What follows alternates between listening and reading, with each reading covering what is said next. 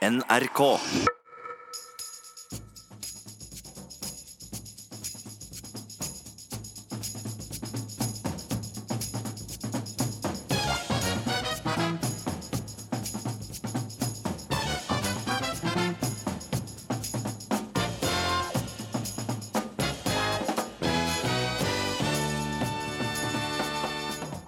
Unnskyld, unnskyld, unnskylde. En uforbeholden unnskyldning. Jeg vil unnskylde unnskyldning. Ja, unnskyldning. Unnskyld. Justisminister Sylvi Listhaug er ikke kjent for å be om unnskyldning, men denne uka måtte hun. Det skurrer for de som deler Listhaugs meninger. Jeg, ja, ja, jeg liker Listhaug, jeg. Jeg syns hun er eh, ærlig og rett fram. Og Den personlige kristne foreleggeren Arve Juritzen har korsfesta en kylling på årets påskebøker. Sterkt støtende og blasfemisk, syns kommentator i Norge i dag, Trine Overå Hansen. Odny Miljeteig i Sosialistisk Venstreparti syns Ja, vi elsker er utdatert, og vil ha en ny nasjonalsang. Vi tok henne på ordet. Norske kvinne, norske mann, og intet kjønn går oss og an. Velkommen til ukeslutt, her vi i dag også får besøk av katten Sniff, som overlevde 60 graders vask og full sentrifugering i vaskemaskinen. Mitt navn er Daniel Eriksen. Hva syns du om Listhaug-saken? Uh, jeg syns at hun har klart å eh, jeg vet ikke, oppføre seg som en skikkelig drittsekk, rett og slett. Og at kommentarene hennes ikke er sånn grasrotkommentarer, men heller bare en generelt idiotisk uttalelse som er gjort bare for å få oppmerksomhet. Nei, jeg har egentlig aldri vært noe særlig glad i henne, og jeg er ikke blitt noe bedre, eller mer glad i henne nå i det siste heller. Jeg er patetisk. Rett og slett bare patetisk. Ja, At man bruker tid på sånt nå, når det er så viktige ting å ta fatt i. Eh, Det, det trekkes for langt. Så det burde Ja, hvem, er det som, hvem er det som trekker det for langt? ja, alle sammen. Listhaug bør gå av. Hun nærer opp under hat mellom folk, og det kan vi ikke tolerere fra en justisminister. Det er din mening. Yes! Men hun har jo bedt om unnskyldning. Ja, det var jo en veldig sånn eh, nølende unnskyldning, da. jeg, ja, ja, jeg liker Listhaug, jeg. Jeg syns hun er eh, ærlig og rett fram. Og, så jeg har ikke noe vondt å si om henne. Men nå kan det hende hun eh, får mistillit mot seg. Hva tenker du om det? Jeg syns det er synd. Ja, fordi at eh, det har jo vist seg at mange ting hun tar opp, så det er jo sånn. At hun har rett? Hun har rett, ja. I mange, veldig mange ting så har hun rett. Det er, at det er mange som sympatiserer med Sylvi Listhaug, fikk vi se i går kveld, da justisministeren viste seg fram foran havet av blomsterbuketter hun har fått etter alt bråket den siste uka. For på torsdag måtte hun si unnskyld mange ganger for Facebook-innlegget der hun hevda at Arbeiderpartiet setter terroristenes rettigheter over nasjonens sikkerhet. Men noen syns det skurrer når Listhaug må unnskylde. Ukesluttsreporter Linn Beate Gabrielsen møtte en av dem, tegneserieskaper Karine Haaland, som sjokkerte venner og bekjente da hun åpent sa at hun stemte på Listhaug i høstens valg. Sant? Hun er sånn som du kan si hun kaller en spade for en spade. da. Og, og hva, hva er det? Altså først og fremst, Det som jeg husker hun fra, var integreringspolitikken. Og Der har jo hun faktisk som første norske politiker sagt at det er et land her fra før. Altså, Hun uttrykte at det er et land her fra før. Vi har en kultur, det bor noen her fra før. De som kommer hit, de må, de må få vite om det. Skal ikke legge skjul på det. Så eh, det syns jeg var en av de, de tingene som jeg forbinder med henne, at hun våget å si det. For det har ikke vært lov å si. At det, da, det skal være litt sånn høflig og så øh, nei, å, norsk, å, nei, det er ikke så farlig med oss, liksom. Så det blir, det blir jo bare en hinder for de som kommer hit, når ikke de får vite hvordan det er her. sant? Karine Haaland har tegnet det flerkulturelle Norge i sine tegneseriestriper. Hun er kanskje mest kjent for Snorre verdens sinteste mann, men akkurat den har de ikke på biblioteket vi er på. Det sto jeg. Da har du en første som heter 'Våre venner menneskene'. Så har du en som heter 'Streng, men urettferdig'. Og så har du en som heter 'Boller av stål, hjerte og gull'. Og det er de tre som dere har her. De første bøkene. Det var under arbeidet med å illustrere en norskbok for innvandrere at Haaland virkelig fikk øynene opp for Listhaug. Og den er laget i samarbeid med flyktninger og innvandrere som går på norskkurs. Og da fikk jeg beskjed fra de da, via redaktøren om at jeg måtte tegne de norske, for de ville gjerne se hvordan de norske var. De ville gjerne se hva vi gjorde på jobb, hva vi sa til hverandre. sånn ja, i vanlig dagligdags sammenheng, og hva vi gjorde når det var høytid. Og, og så tenkte jeg det er jo det samme som Sylvi Listhaug sier. eller sånn den politikken som regjeringen og Listhaug la frem, den med at du skulle ha en integreringspolitikk som gikk ut på at eh, folk som kommer hit, de skal få lære få vite hva slags samfunn, legge vekt på norsk samfunnsskikk og bruk og norske verdier. Og så kommer de til meg og så sier de vi vil, vi vil faktisk lære det. Så tenkte jeg da har jo hun rett. Det har jo en tendens til at det blir mye bråk rundt eh, Sylvi, særlig det Sylvi Listhaug legger ut på Facebook, men også en del uttalelser. Mm -hmm. Kan ikke det også virke splittende?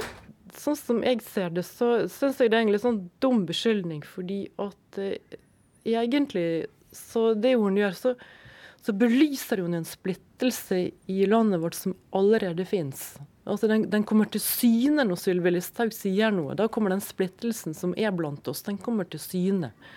Og den ligger liksom der som en sånn verkebyll. Så, og før eller siden så må du, du må enten snakke om det, eller så blir det bråk tror jeg. Altså, enten så, så, går folk løs på hverandre, så må vi snakke om det. Altså, det syns jeg er faktisk positivt, at det blir en samtale om det, istedenfor at det blir et slagsmål. Ja, tror du det kan bli et slagsmål?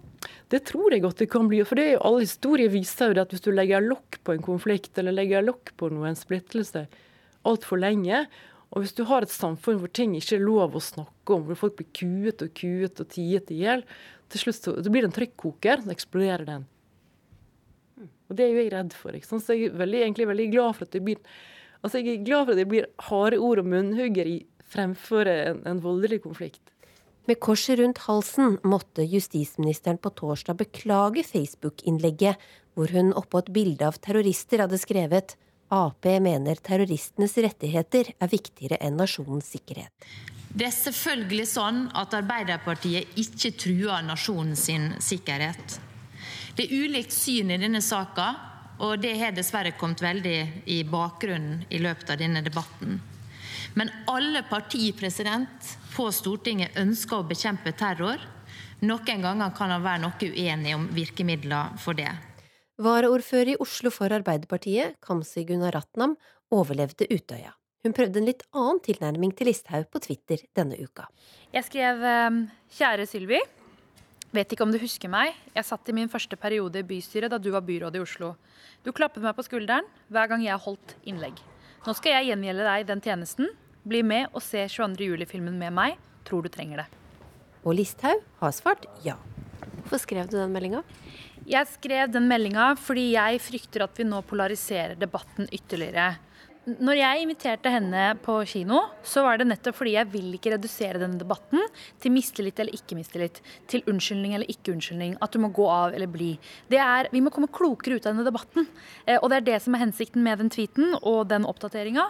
Jeg har ikke lyst til at vi skal sitte igjen med at hun gikk av eller ikke gikk av. eller at hun, ikke sant? Vi må bli klokere, og den klokheten kommer bare ved at vi må sette oss mer inn i hvordan hun tenker, og tilrettelegge for at hun forstår hvordan vi tenker. President, Jeg vil unnskylde overfor de som føler seg såra. Unnskyld, unnskyld, unnskylde. En uforbeholden unnskyldning. Jeg vil unnskylde unnskyldning. Ja, unnskyldning. Unnskyld. Jeg traff Karine Haaland før Listhaug kom i mål med alle unnskyldningene på Stortinget på torsdag.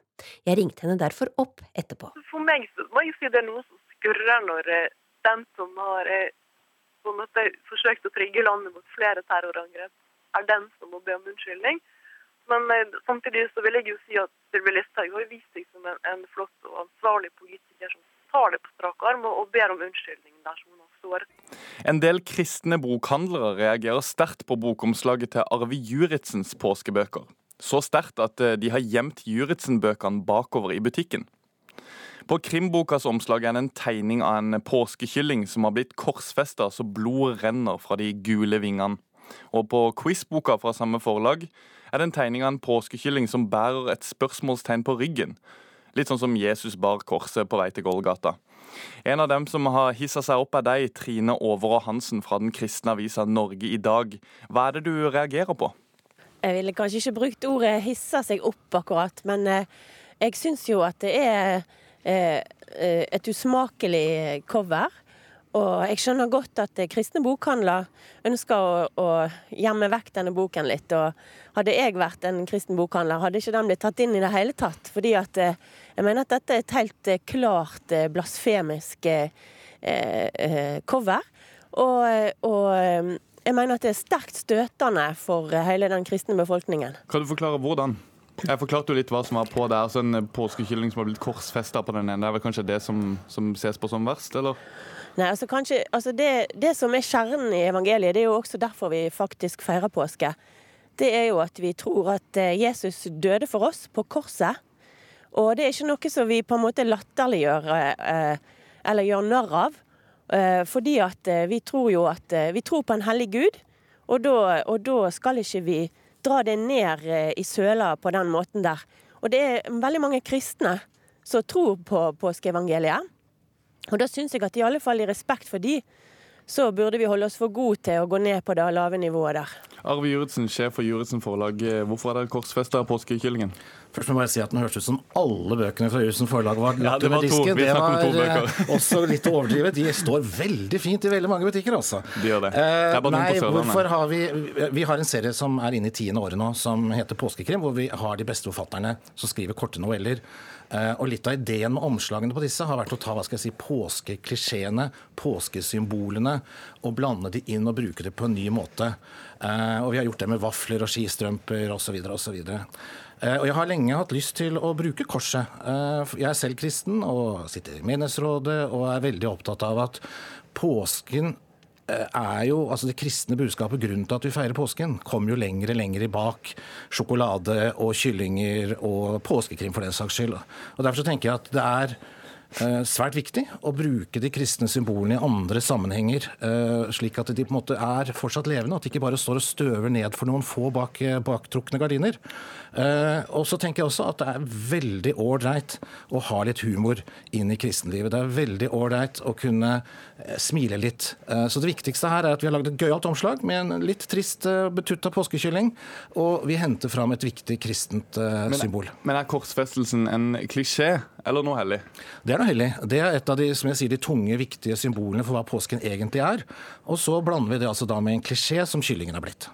Eh, Trine Overå Hansen fra Norge i dag. Her er det en kylling som er hengt på et kors. Hvordan er det spotting av de kristne skudd?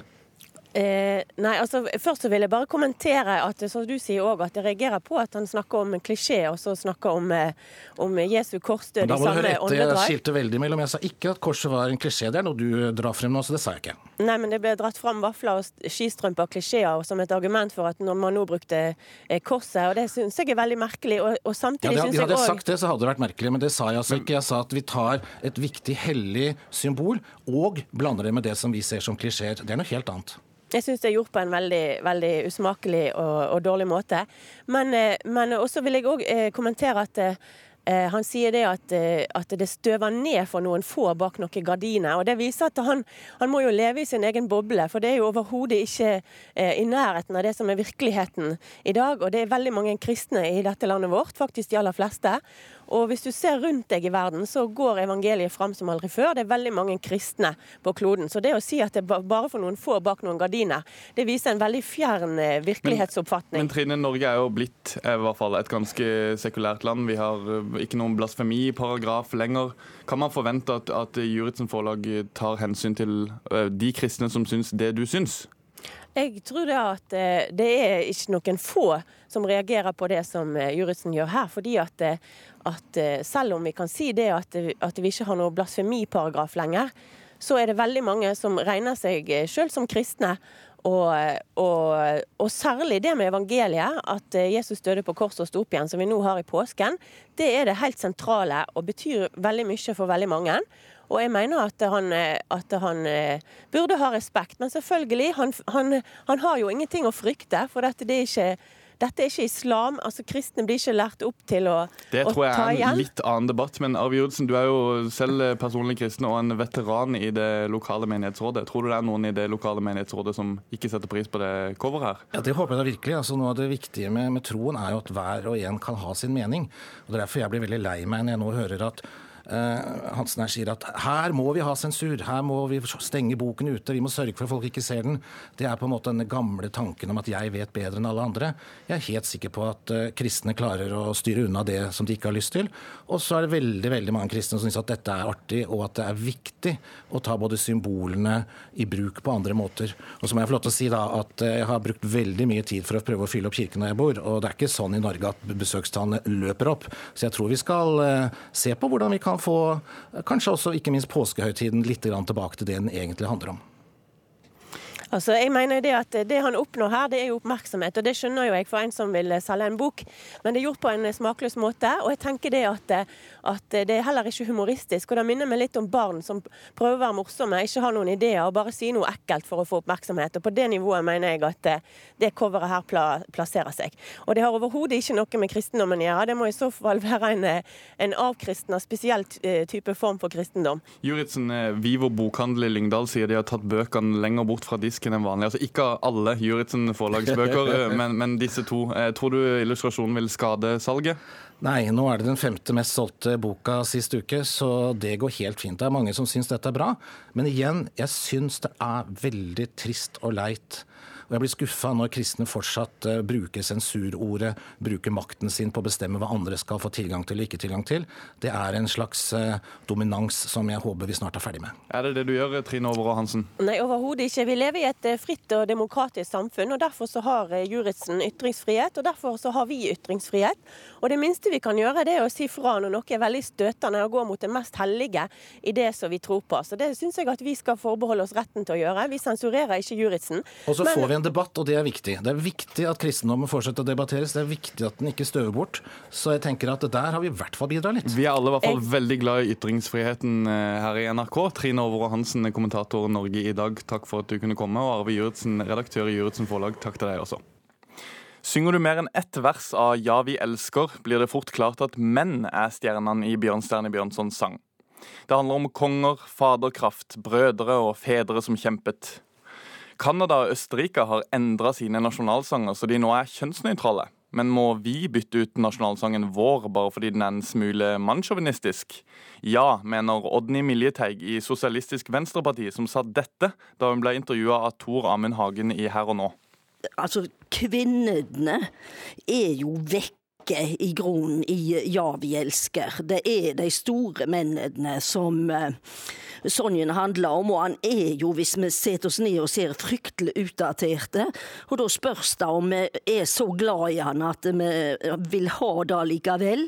Jeg tenker at vi kunne koste på oss og se om det gikk an å finne noe som var ja, tok med seg mer av historien, rett og slett. Ja, Bør vi da gjøre som eh, de har gjort i Østerrike og Canada, og endre teksten på Ja, vi elsker? Spør du meg, så tenker jeg at eh, da Jeg ville heller skrevet en ny sang. SVs eh, Milje Teig måtte tåle både kritikk og latterliggjøring etter at hun foreslo å bytte ut Ja, vi elsker med en ny sang. Eh, vi i Ukeslutt velger å ta henne på ordet, og Egil Hegerberg, også kjent som Bare Egil, og medlem av flere band, deriblant Black Debate, du er midt oppi plateinnspilling med Black Debate. Likevel tok det bare halvannen time fra vi spurte deg til du hadde en ny nasjonalsang klar. Hva var det som gjorde at du ble så inspirert? Ja, altså dette her er jo midt i blinken for eh, oss i Black Debate. Vi er veldig opptatt av, av, det nasjonale, samtidig som vi er veldig politisk bevisst. Og i vår tid, hvor det blir stadig viktigere at man ikke krenker noen, så er det jo ekstremt viktig at selve nasjonalsangen i hvert fall ikke går i den fella at man blir krenket av den. Så vi eh, ønsket å ta utfordringen og lage en krenkefri nasjonalsang som da eh, om den ikke inkluderer noen, så er det i hvert fall heller ingen som blir ekskludert. Da. Den skal jo være både inkluderings- og ekskluderingsfri, for å si det sånn. Det er ikke første gang du har skrevet nasjonalsang. Hva er det med nasjonalsangen som appellerer til deg eller dere, da? Ja, så Det handler jo om å skape en felles nasjonal identitet. Da. Det er jo, altså når man har nasjonalsanger som er skrevet for flere hundre år siden, så, så er det klart at eh, det er mange aspekter ved, ved, de som eh, er gått noe ut på dato. Det er mange ting man ikke lenger vet hva betyr, eller man klarer å forholde seg til. Så det, jeg mener jo at en nasjonalsang er noe som hele tiden må fornyes og være under konstant revisjon. Ideelt sett så bør det da komme eh, like, nye nasjonalsanger like ofte som Android oppdateres, f.eks. I 2002 handla det mer om kongen, nå handler det om absolutt alle. Hvorfor er det så viktig å favne så vidt i en eh, nasjonalsang i 2018? Det er klart at befolkningsgrunnlaget er mye større. Det er flere man kan krenke, og som da må være med for at de ikke skal bli krenket. Jeg ser jo nå til min forskrekkelse at vi har utelatt eh, enkelte grupper fortsatt. Blant annet er jo ikke beveren nevnt i vårt nye utkast, og heller ikke manetene og algeoppblomstring. Så vi har fortsatt et, et lerret igjen å bleke, men vi kan jo lage flere vers, da. Det går jo an. Takk uansett for at du kunne være med, Egil Hegerberg fra Black Debatt. Jeg får nesten reise meg, fordi nå, nå skal vi høre 'Krenkefri nasjonalsang' framført av deg og de andre, andre medlemmene i rockebandet Black Debatt. Jo da, vi liker landet vårt, men også alle andre land. Norske kvinne, norske mann, og intet kjønn går også an. Og hun og hen og hin og han og herr og fru og hu og ham. I hus og hytte, men også i leilighet og gamme. Under Sinsen krysset og i tegn skjer alt er det samme. Alle tror på det de tror på, unntatt de som tviler. Inder, trønder, nynorsk, same, alle er vi fine. De med delt foreldrerett og de som nekter å ta vaksine. Ingen holdes utenfor fra gangster helt til snuten. Laktoseintolerant og de som spyr av gluten. Dronning, skidronning Anette Bø havna midt i kaoset i Kollen forrige helg. Hun ble ikke imponert. Publikum, spesielt ute i marka, må skjerpe seg.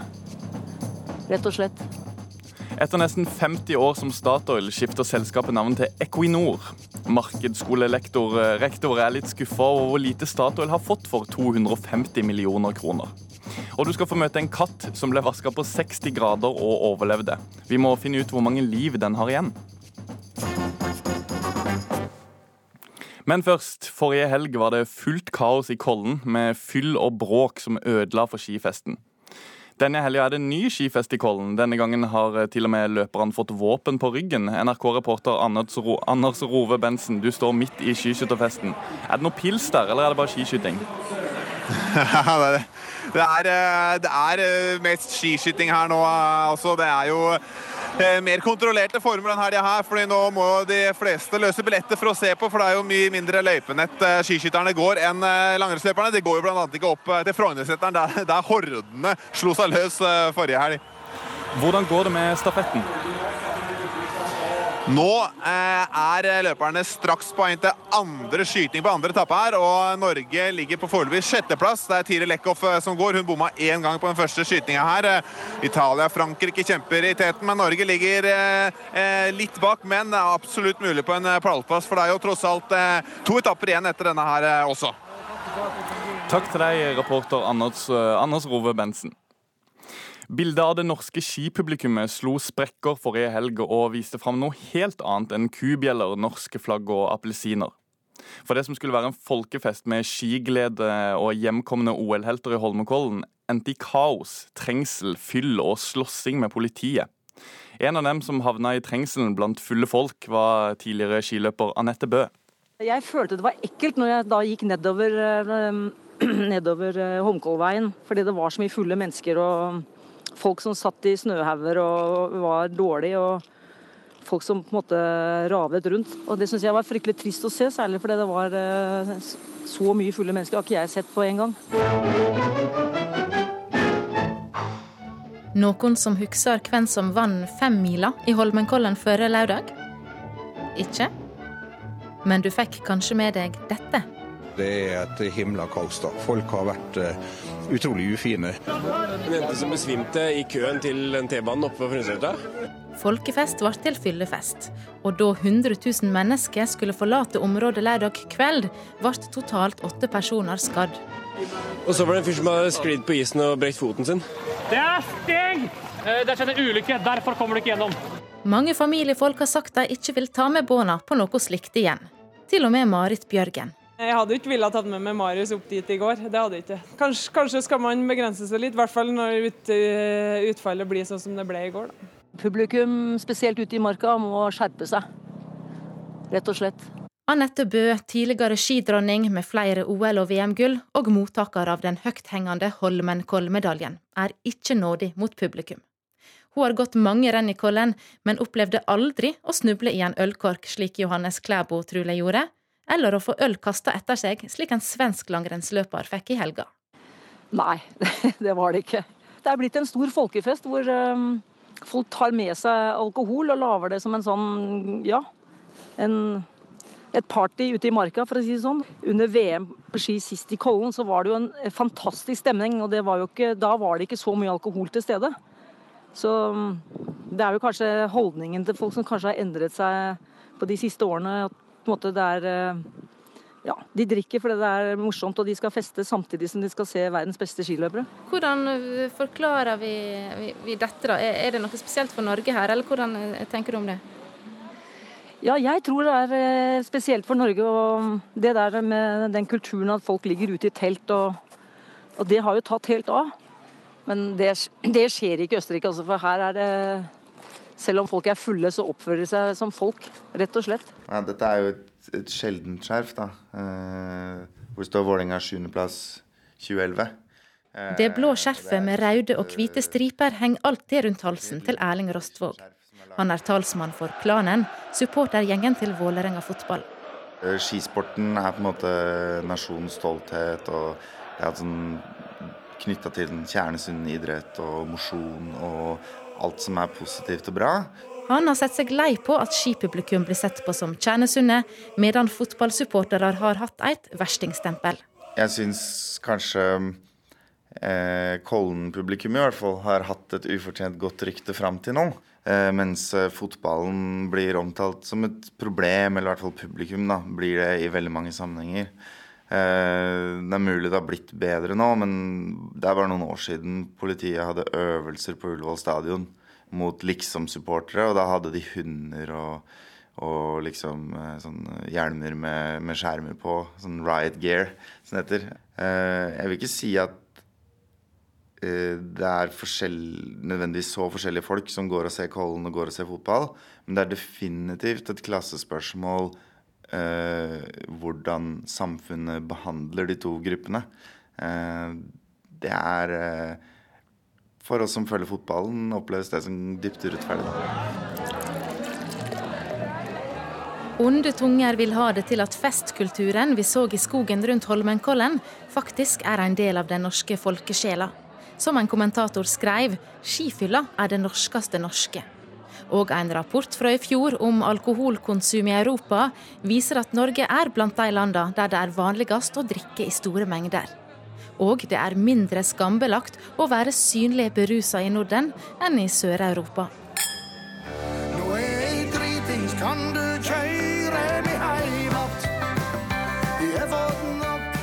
Festcountrybandet Vassendgutane har gitt ut album som Pylse og konjakk', 'Julefest i vest' og 'Festi er ikke slutt' og har holdt mange konserter rundt om i hele Norge i årevis. Vokalist og låtskriver Sindre Aam tror Kollen-arrangøren har en vanskelig jobb i å hindre folk i å drikke. Nei, Det tror jeg er vanskelig. Det er visst at det, jeg, jeg tror veldig mange, Det er vel ikke alle som er der for å se ski heller. Det samme så det, det er ikke alle som er på Vassendgutane for å høre Vassendgutane heller, kanskje. Men eh, jeg tror nok det at å, å si til folk at dere skal ikke, det, det er sjelden det hjelper. Men han har noen triks på laget dersom stemninga blant publikum bikker over. Når vi ser, en har sett enkelte ganger, at ting begynner å ta av, at det er enkelte som ikke oppfører seg sånn som du kanskje forventer at et voksen publikum skal greie å oppføre seg, så sier vi det fra scenen at nå må, dere, nå må dere ta litt med ro her. Det er mye kjekkere å, å holde det hele kvelden og ha det artig enn at dette her flyter helt ut. Så det, det, det oppfordrer vi faktisk til. Vi syns det er kjekkest å spille til et feststemt publikum, men som vet at de er til stede iallfall. Du ser jo skyteskivene er jo da i enden bak på nedsiden der. Eh, der kommer utøverne inn til standplass og skal skyte. Torsdag formiddag i Holmenkollen. Sola har kikka fram, Det er rigga for fire dager med skiskytingsfest.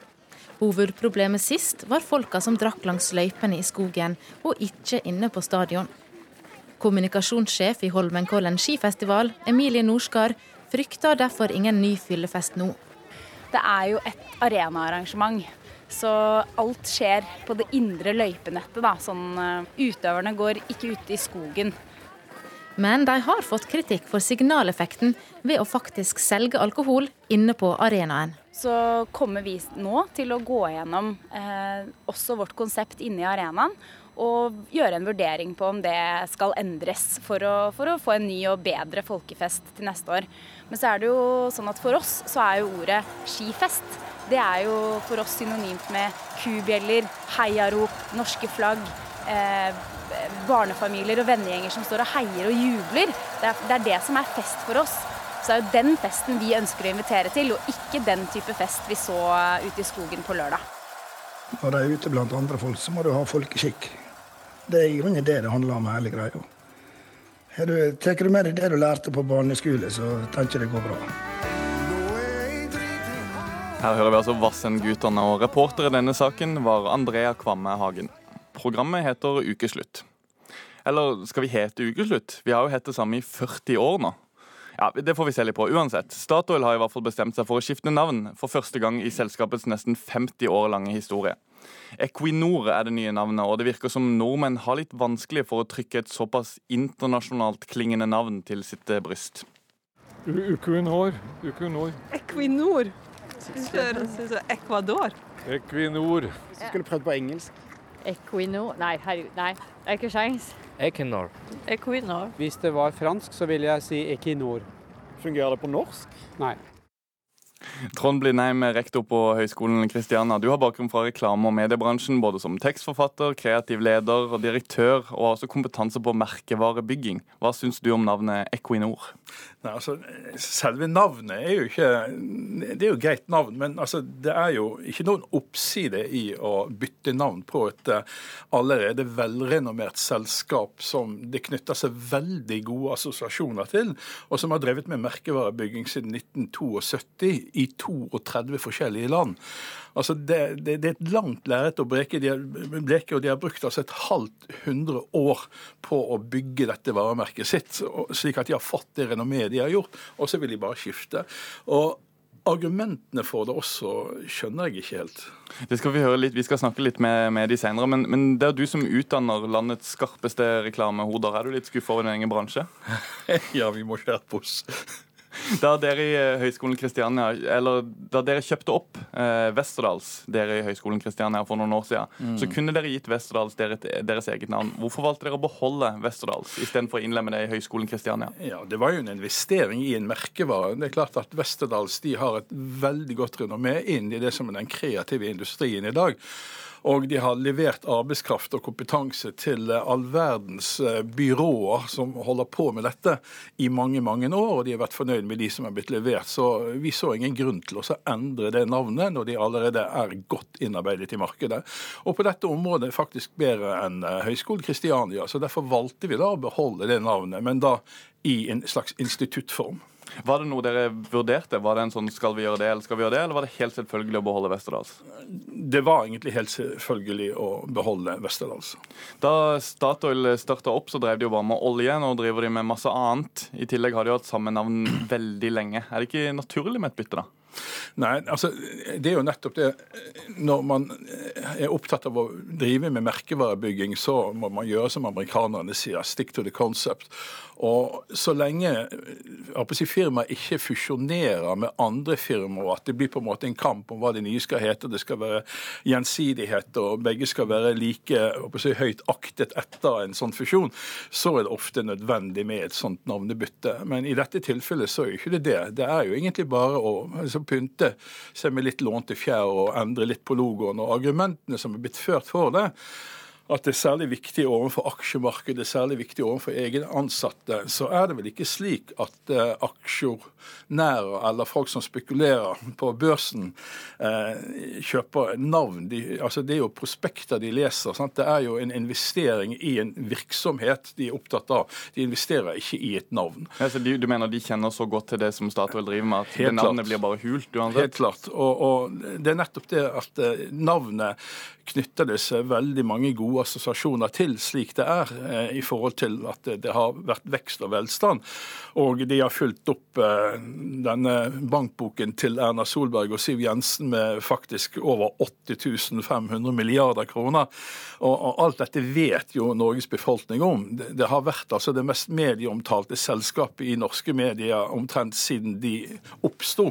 Og, det å plutselig velge et nytt navn, det skaper egentlig forvirring. Altså Det er ikke noe oppside i. Og Vi har sett mange eksempler på at eh, gode navn er blitt forandret til ganske uforståelige navn. Hvis vi tenker på Jernbaneverket og Luftfartsverket og det som er ja, Statsbygg osv., som nå har navn som, eh, som folk ikke husker. Men, men lider du litt av endringsangst? For du var jo kritisk da de bytta logo også. Vil du bare ha ting sånn som det, sånn som det var?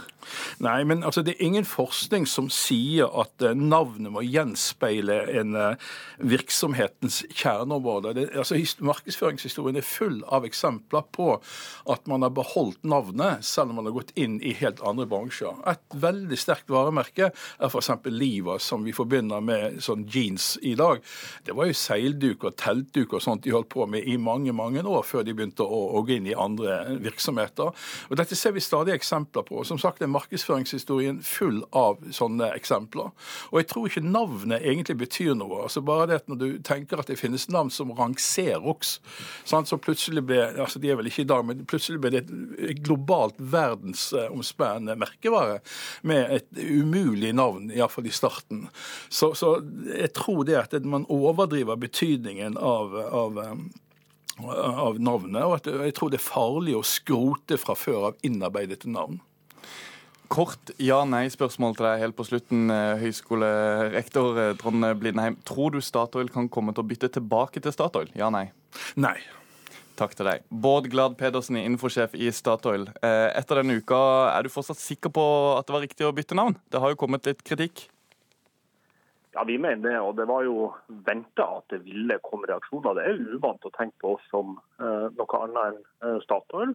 Og Vi er jo glad for at det har kommet veldig mange positive reaksjoner også. Vi ser at de eh, sentrale tillitsvalgte støtter denne beslutninga.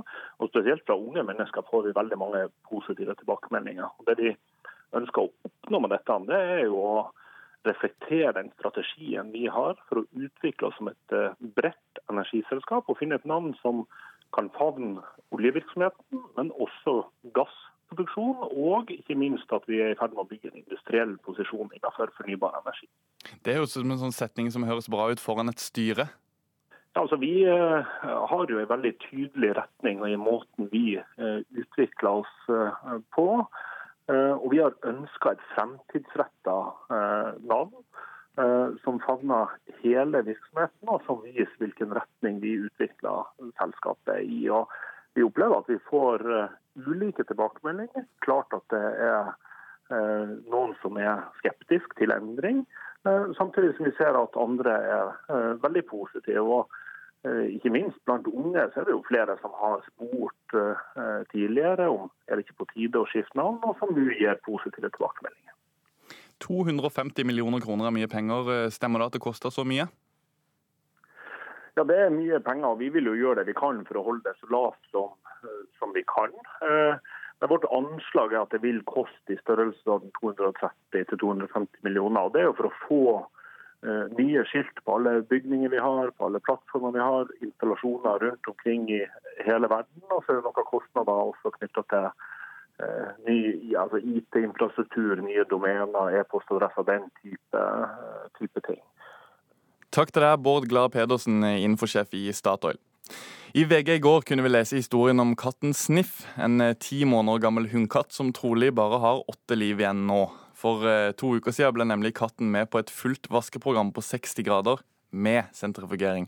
Og Anine Bakkelund, katten din Sniff er med her i studio og har altså overlevd runde på runde i vaskemaskinen. Hvordan har eh, Sniff det nå? Ja, vet du hva, Sniff hun har det ganske fint. Hun virker som hun er 100 seg selv igjen, både fysisk og psykisk. Det ser ut som en ganske pigg katt. Det Ja. lille så.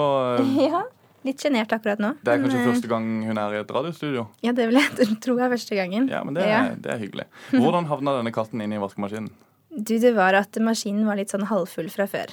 Fra kvelden tidligere. Og så skulle jeg legge inn resten av halvparten. Og så hadde hun sneket seg inn i mellomtiden og sikkert gravd seg litt under. Og sovnet, vil jeg tro. Så da var det ikke så lett å se henne, da. Hva, hvordan oppdaga du det da at det var en katt der? Du, det, jeg skulle henge opp klesvasken.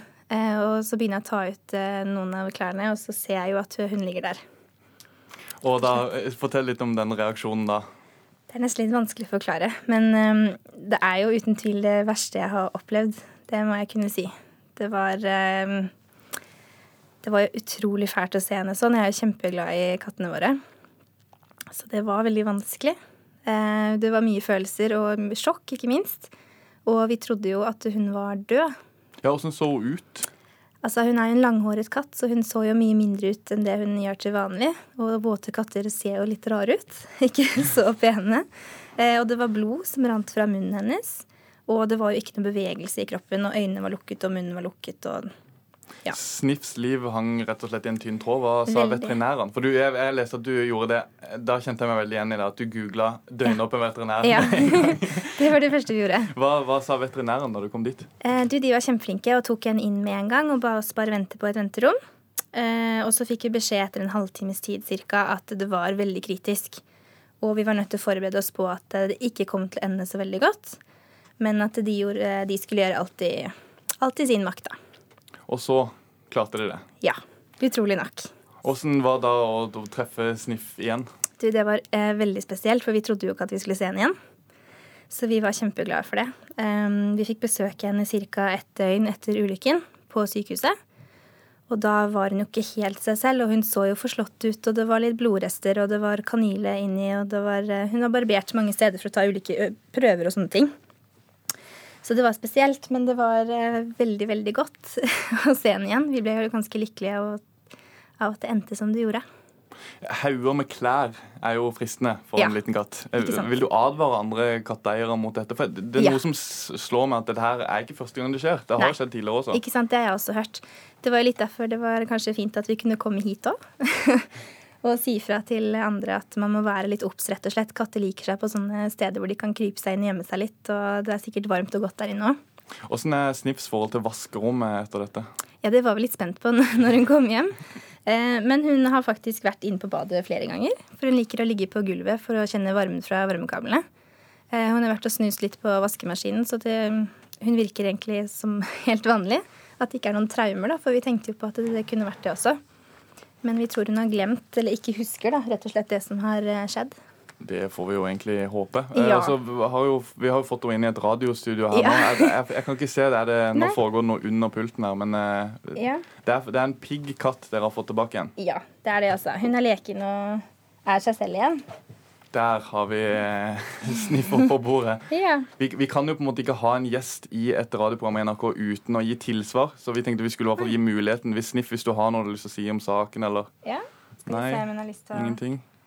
lage litt lyd? Vi hadde jo håpet det, da. Første Ja. snakkende katt hadde vært et skup for dette programmet. Skal du lage litt lyd? Vi eh, gir ordet til eh, David Bowie isteden, tror jeg, med Cat People her i Ukeslutt. Anine Bakkelund, tusen takk for at du kom. Jo, takk for at jeg fikk komme.